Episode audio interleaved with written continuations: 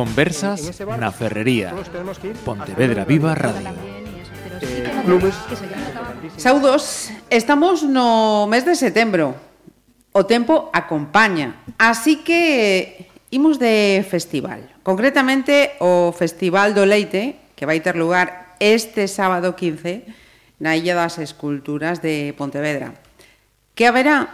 Pois charlamos diso nestas conversas na ferrería con Pedro González, responsable de, da Sociedade de Leite. Da Sociedade de Leite, de Leite Noso, que é a propietaria de dúas marcas comerciais que son de Leite e Mu, uh -huh. e, e que leva traballando desde o ano 2016. Eh, imo, imos falar deste, destas cuestións, deste sector tamén en este tempo de, de charla. Eh, Manuel Tarrío, outro dos convidados, benvido. Moitas gracias. Eh, ti eres o, o, o produtor do Festival do Leite. Bueno, eu non son o produtor do festival, é un cargo me da produción. Dixémolo así. Estás, estás nesa tesitura, digamos. Sí, efectivamente. Mm. En todo caso, é o responsable. Ui. eh, pois, imos comezar por aí. Que é o Festival do, do Leite que, mm, que ten, se non estou eh, errada, dous aniños eh, xa? Ten dous anos, sí. Que, que é o Festival do Leite? Pois, pois unha locura.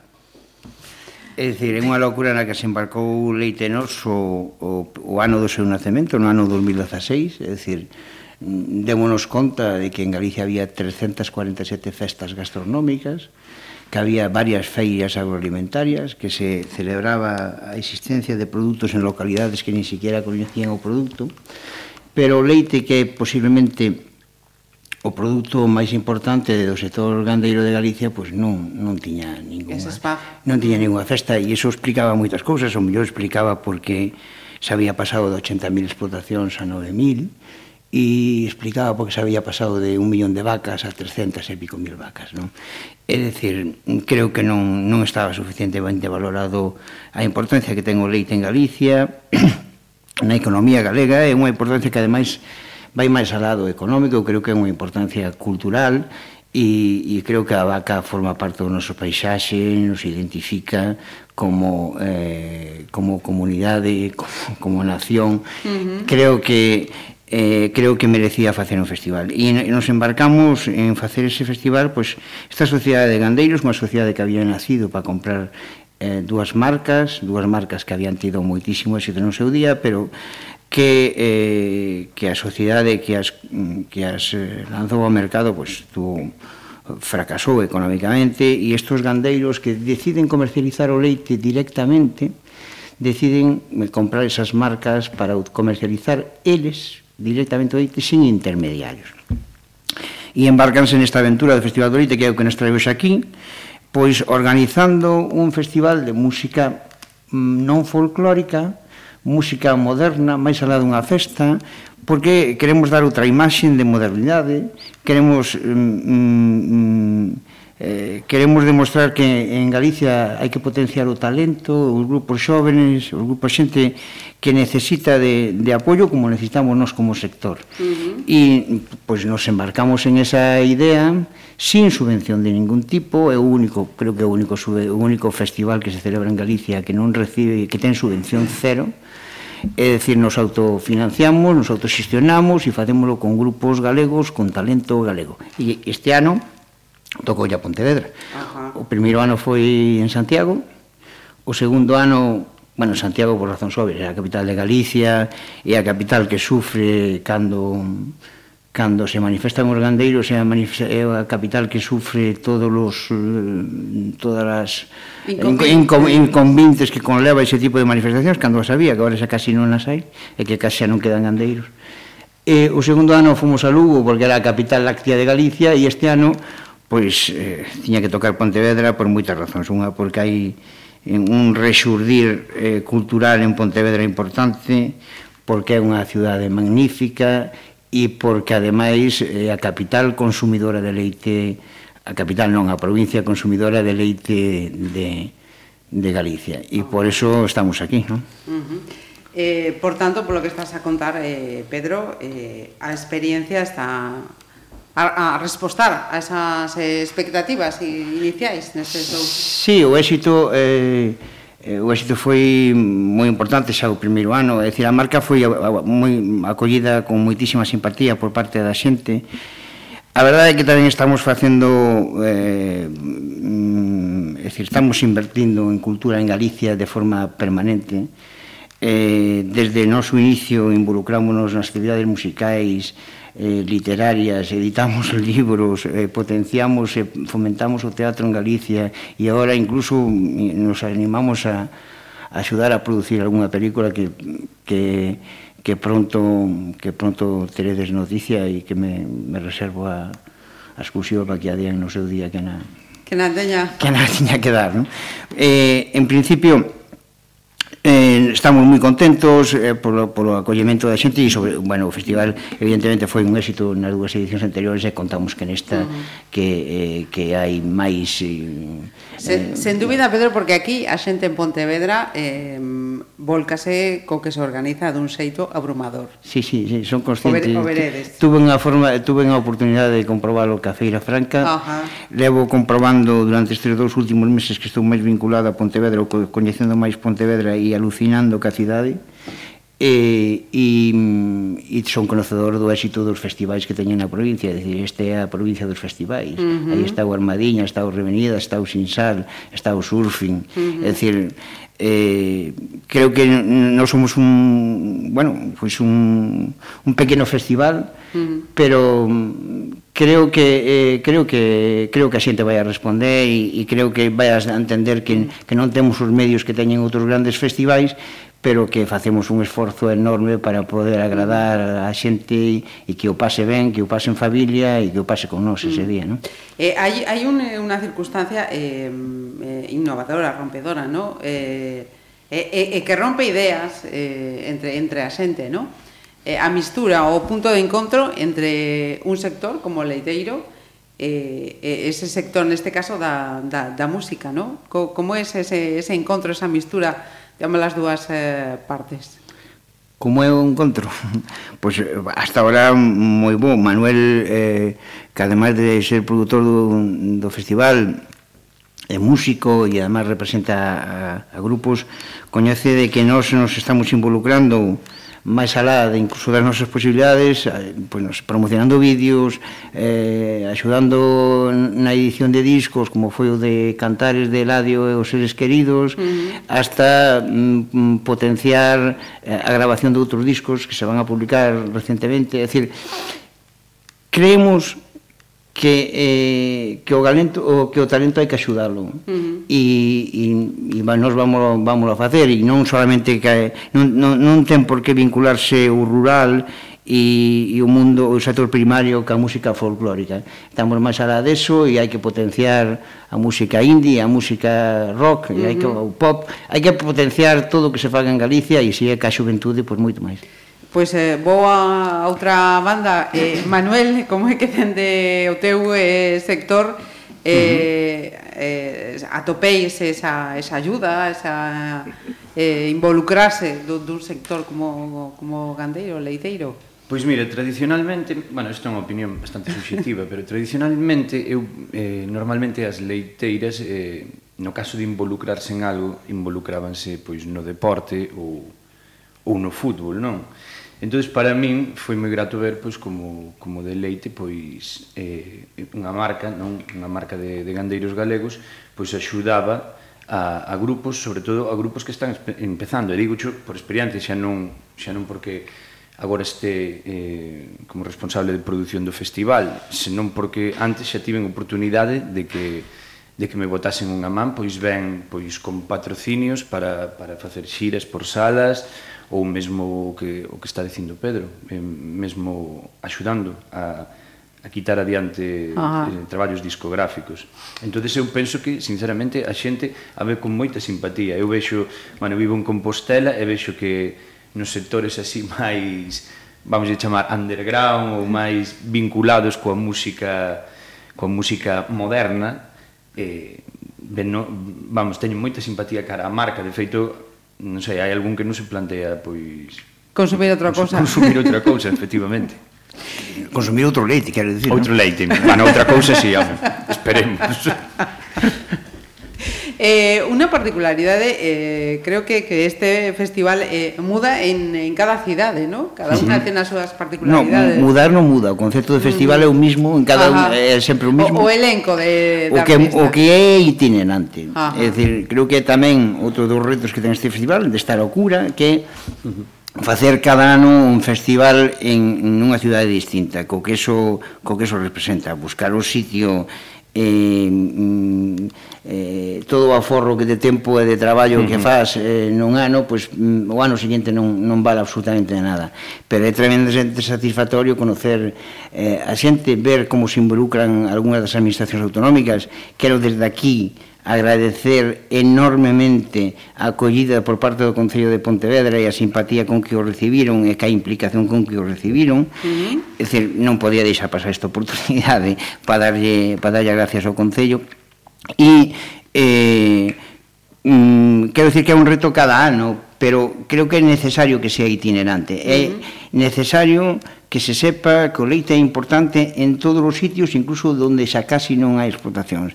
En Pontevedra, na provincia de Pontevedra, quedan explotacións, creo que única e exclusivamente en Odeza e quizás en Tabeirós, uh -huh. pero houve, houve explotacións en Cuntis, houve explotacións en Caldas, eh, hai fábricas todavía que quedan, quedan residuales, pero todavía quedan, eh, quedan dúas industrias na provincia de Pontevedra.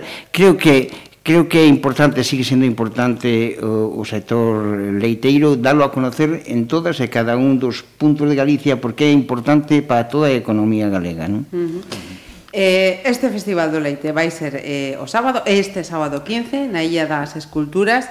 Eh, cando comeza, eh, eh, a quen vai eh, dirixido de algún xeito, xa comentamos en estes en minutiños, uh -huh. atacando, como vai ser? Entramos en, pois, pues, en, en detalles. Mira, eh, vouche comentar, o festival eh, comeza ás 12 e media da mañán, non? Uh eh, -huh. E, e podemos dicir que durará ata máis alo de medianoite, non? Trátase dun bueno, festival... A, ás 12, era ás 12 e media, pero xa a parte musical, pero a, a onte sorprenderonos con, con, con, con un Twitter de Luís Davila, Ajá que compartiu dicindo que ás 12 vai estar facendo un obradoiro ah. cos, cos nenos enseñándolle a dibuixar Entonces xa antes das 12 e media xa, xa parece que habrá unha, habrá unha actividade xa. ¿no?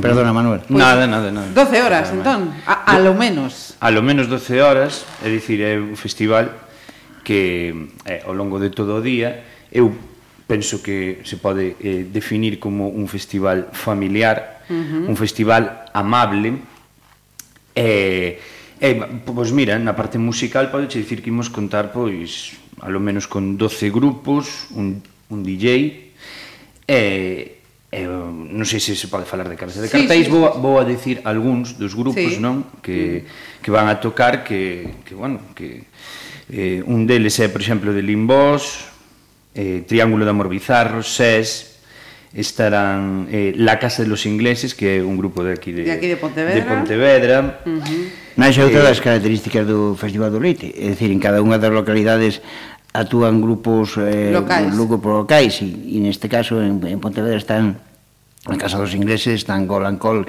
que tamén son da zona, e, e está tamén Cora V, que, mm. que, que tamén é de por aquí, e, e Soul Jacket, que tampouco é de moi lexos, sí. non é moi. Si, sí, eu creo que é moi importante non eh, vincular, xa non só levar o festival eh, a unha cidade ou a un, un novo espazo, senón, aparte, vinculalo non co que se ali se está facendo e penso que durante estes anos, estes tres anos eso se conseguiu. Uh -huh. Eh, estamos a falar, como ti dis, de, de, de grupos eh, de música actual, con moita variedade musical, sí, sí. pero para todos os gustos, penso polo que polo que teño aquí anotado. Efectivamente, pois eu vexo un habano entre, como comentaba antes Pedro, o indie, non? Pasando polo pop, o rock, mesmo o soul ou xa directamente pois novas interpretacións da, da música tradicional, non? Uh -huh. eh, bueno, gustaríame tamén suliñar eh, a presencia de dous grupos con carácter eh, digamos, eh, dirixidos a un público infantil como son María Fumasa e a, ah, e a Gramola Gominola. Uh -huh. Eh, bueno, eh, eh gustaríame suliñar unha cousa que, que dixo que, que falábamos antes, non? E, bueno, non é unha cuestión de por botar flores á organización do festival, pero sí que o feito de facelo itinerante representa un reto enorme, non? Normalmente ti cando faz un festival pois un primeiro ano tomas apuntes do, uh -huh. do que vai ben, do que hai que mellorar, o segundo ano igual, e malo será que o terceiro ou o cuarto, o festival non este andando a 100%. Bueno, aquí ten que andar a 100% Sí, ou sea, sí. Se, se ou sea en nunha localización diferente, polo tanto é un reto. Mm. É un reto para Deleite, é un reto para min. Eh, E bueno. Eh, un reto eh, non por botar flores, pero nun marco como haya das esculturas É un mellor sitio de Galicia para un festival. Uh -huh.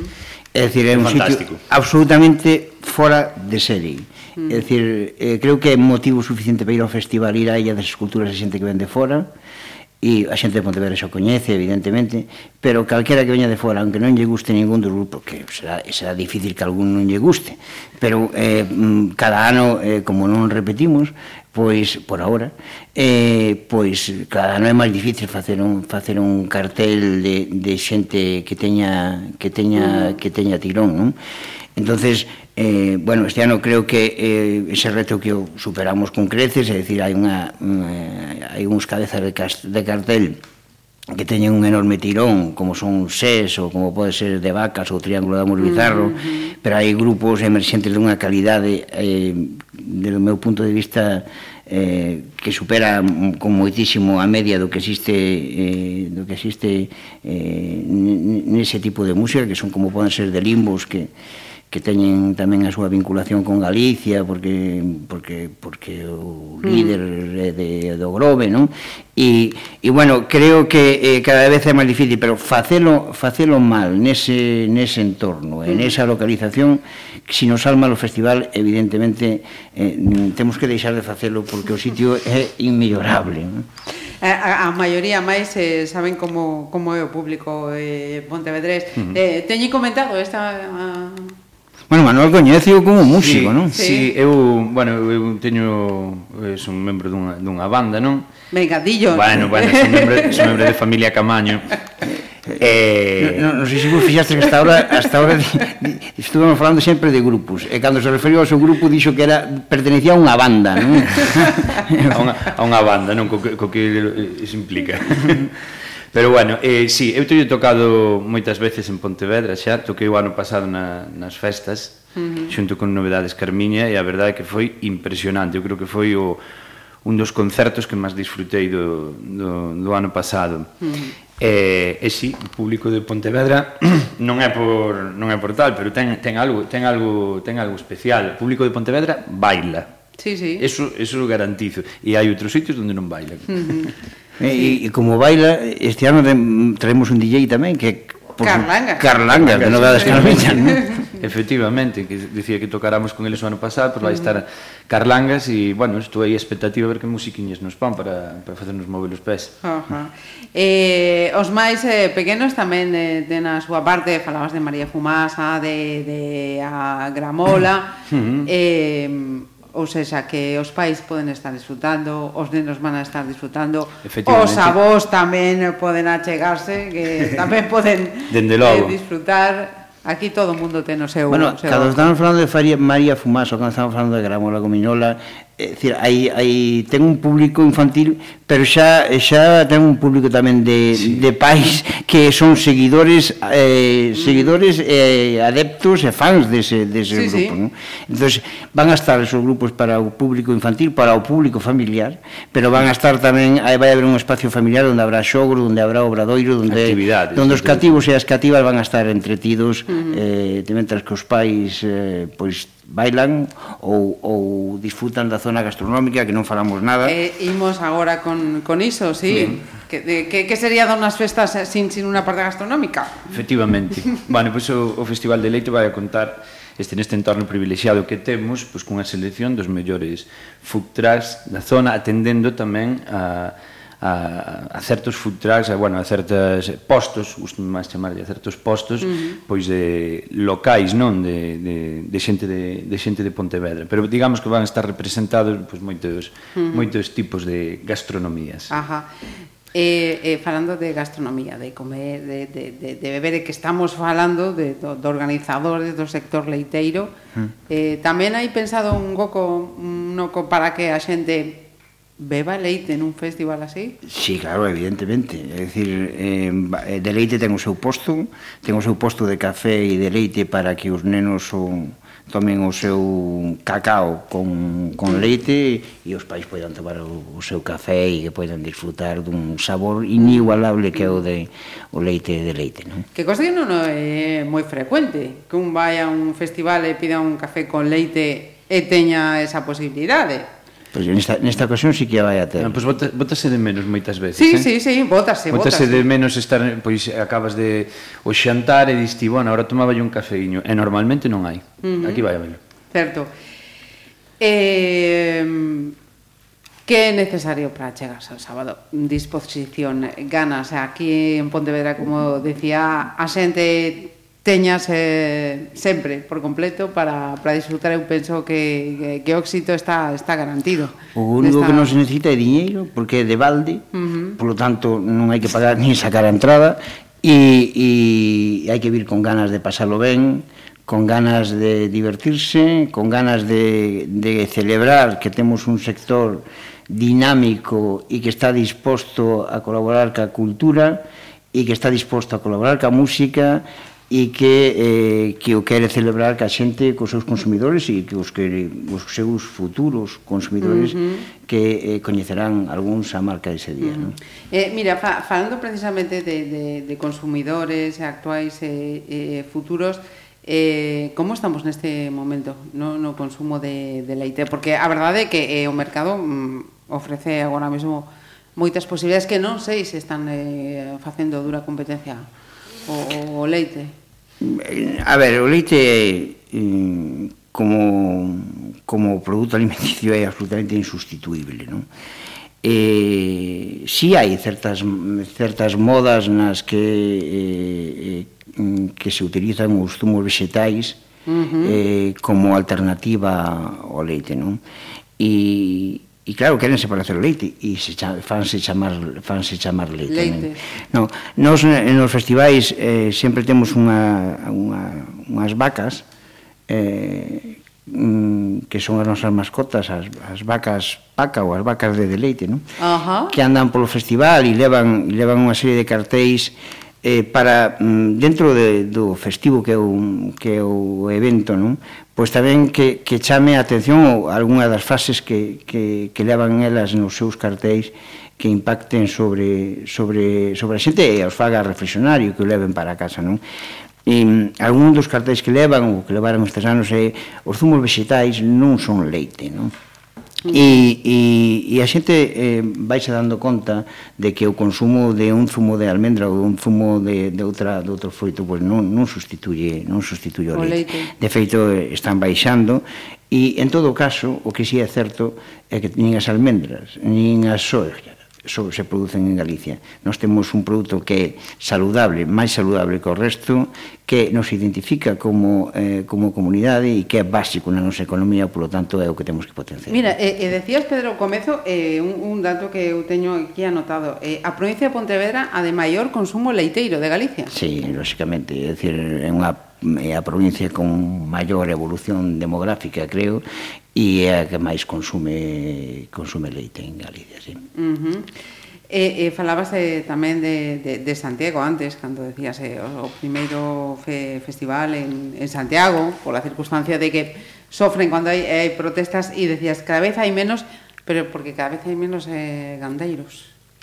Cada vez hai menos gandeiros, cada vez os gandeiros son máis profesionais, e é a parte débil da cadena alimentaria, pero é a parte máis dinámica e a parte que fixo un maior esforzo de modernización, modernizou as súas explotacións, conseguiu mm, mm dotalas de, de, de unha base territorial importante, a pesar de que non se fixeron as concentracións parcelarias onde sabía que facer, eles eh, preocupáronse de adquirir as terras ao lado da súa explotación, de dotalas dunha base territorial que a fixese económicamente máis rentables, tuveron que facer frente a retos tan importantes como comprar os dereitos de produción, é dicir, comprar a licencia para poder producir, no seu día compraron cuota de leite, superaron absolutamente todo eso e son, desde logo, os mellores produtores que existen en Europa. Temos o mellor uh -huh. sector leiteiro de Europa e iso creo que eh, é mérito exclusivamente desa parte da cadena alimentaria, porque os outros sí que non fixeron eh, da mesma maneira os seus deberes aquí foron desaparecendo industrias, quedaron obsoletas, non se preocuparon de facer valor enga, ou de darlle valor engadido e quedaron reas e en mans das grandes distribuidoras. Oxe, as industrias son meras maquiladoras das distribuidoras. E ese foi o concepto que nós utilizamos, é dicir, se poden maquilar, é dicir, se poden fabricar para distribuidoras, por que nós temos que estar dependendo dunha industria? Nós poderemos comercializar nós directamente o noso leite. Por lo tanto, nós o que facemos é producimos o noso leite, o leite de mellor calidade, o leite seleccionado, cas vacas máis felices porque son as nosas, uh -huh. e queremos que sean felices, que estén ben, non temos que anunciarlo, non temos que cantarlle en inglés. É dicir, as nosas, as nosas vacas teñen, están contentas e están felices e cuidámolas moi ben porque son o noso principal capital, a nosa principal inversión, e eh, eh, nos que facemos todo eso, se si temos as vacas, se si temos o leite, se si temos a idea e temos o talento, por que temos que estar en mando unha industria, non? Nos encargamos a industria, oiga, mira, ahora que temos este produto, métanolo neste cartón, este cartón que non lle decimos como ten que facer, e eh, porque nos encargamos tamén de facer packaging, os gandeiros facemos packaging tamén. Uh -huh. Entonces, eh, métanlo neste cartón e nos vamos a levar á distribuidora para que o venda, sin intermediarios. Ese é o concepto de dereite. E por eso creo que eh, creo que temos que celebrar que temos un sector dinámico, moderno e eh, que leva facendo un maior esforzo eh, de toda a cadena alimentaria. Manuel, eh, Pedro fala dun sector dinámico, eh, moderno, e con este elenco de, de grupos eh, do, do panorama musical actual galego eh, tamén podemos decir o mismo, dinámico eh, eh, e, e, e moderno. Uh -huh. E con, con moita vitalidade e con moita forza, penso. Sí, eu vexo eh, no caso do Festival de Leite unha selección fantástica, eh, como falábamos antes, non unha representación de, de moitos estilos diferentes, de moitas cousas que se están a facer agora. En canto a, a escena global en sí, bueno, que xa a maioría xa pasou, as puntas de lanza xa pasaron todos polo festival, eh, en canto a escena vexo tamén ben, vexo moi, moi saudável, uh -huh. na verdade. Eh, mira, eh, decíamos que, que comenzaría as 12 con, con Davila. Como foi hmm. a colaboración de Davila neste proxecto? No, con Davila ven, Davila ven colaborando con Deleite desde, desde fai tempo. Estuvo xa no Festival de estuvo xa no Festival de Lugo, estuvo con nós tamén na Feira de Silleda, e encanta de estar ca xente, encanta de estar cos nenos, ten sempre libros autoditados para, para vender, e é unha persona eh, afable, amable e é unha é xente de leite. Uh -huh. Pois eh, Pedro Manuel, que vémonos o sábado na Illa das Esculturas, sí ou sí. Fantástico. gracias. Moitas gracias. Allí nos vemos. Moitas gracias. E antes de rematar estas conversas, eh, quedamos eh, con algúns deses artistas eh, que van a estar neste Festival do Leite. Entón. Medranza en flores rosadas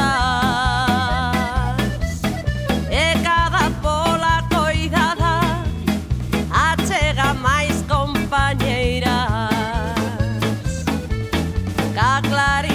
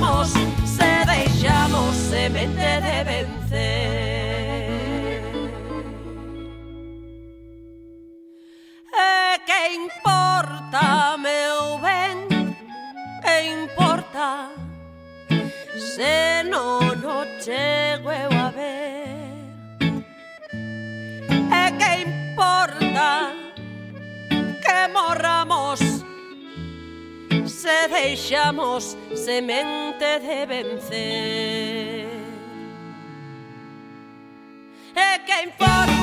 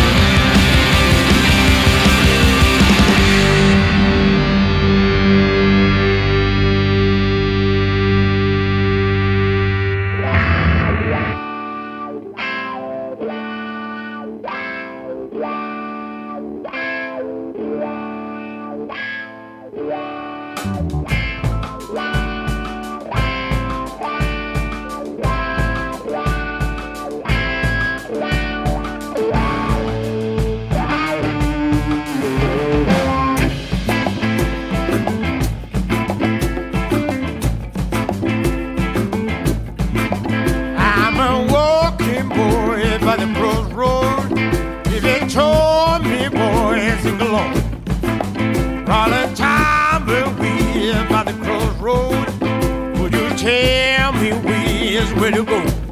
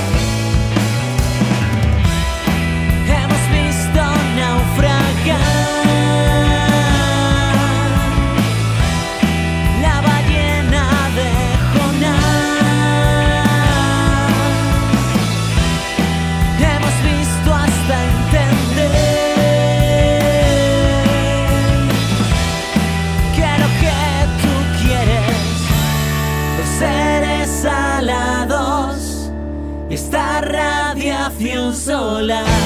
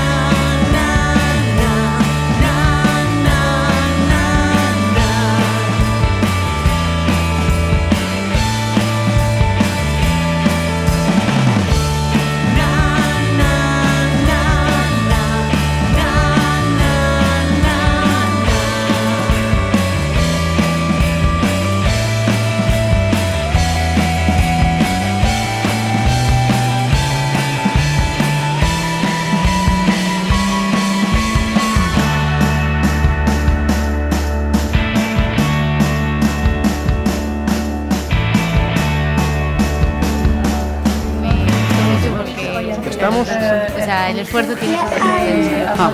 Pues me gustaría ser seleccionada para una Copa Comen y estar en el equipo nacional. Conversas na Ferrería. Pontevedra Viva Radio.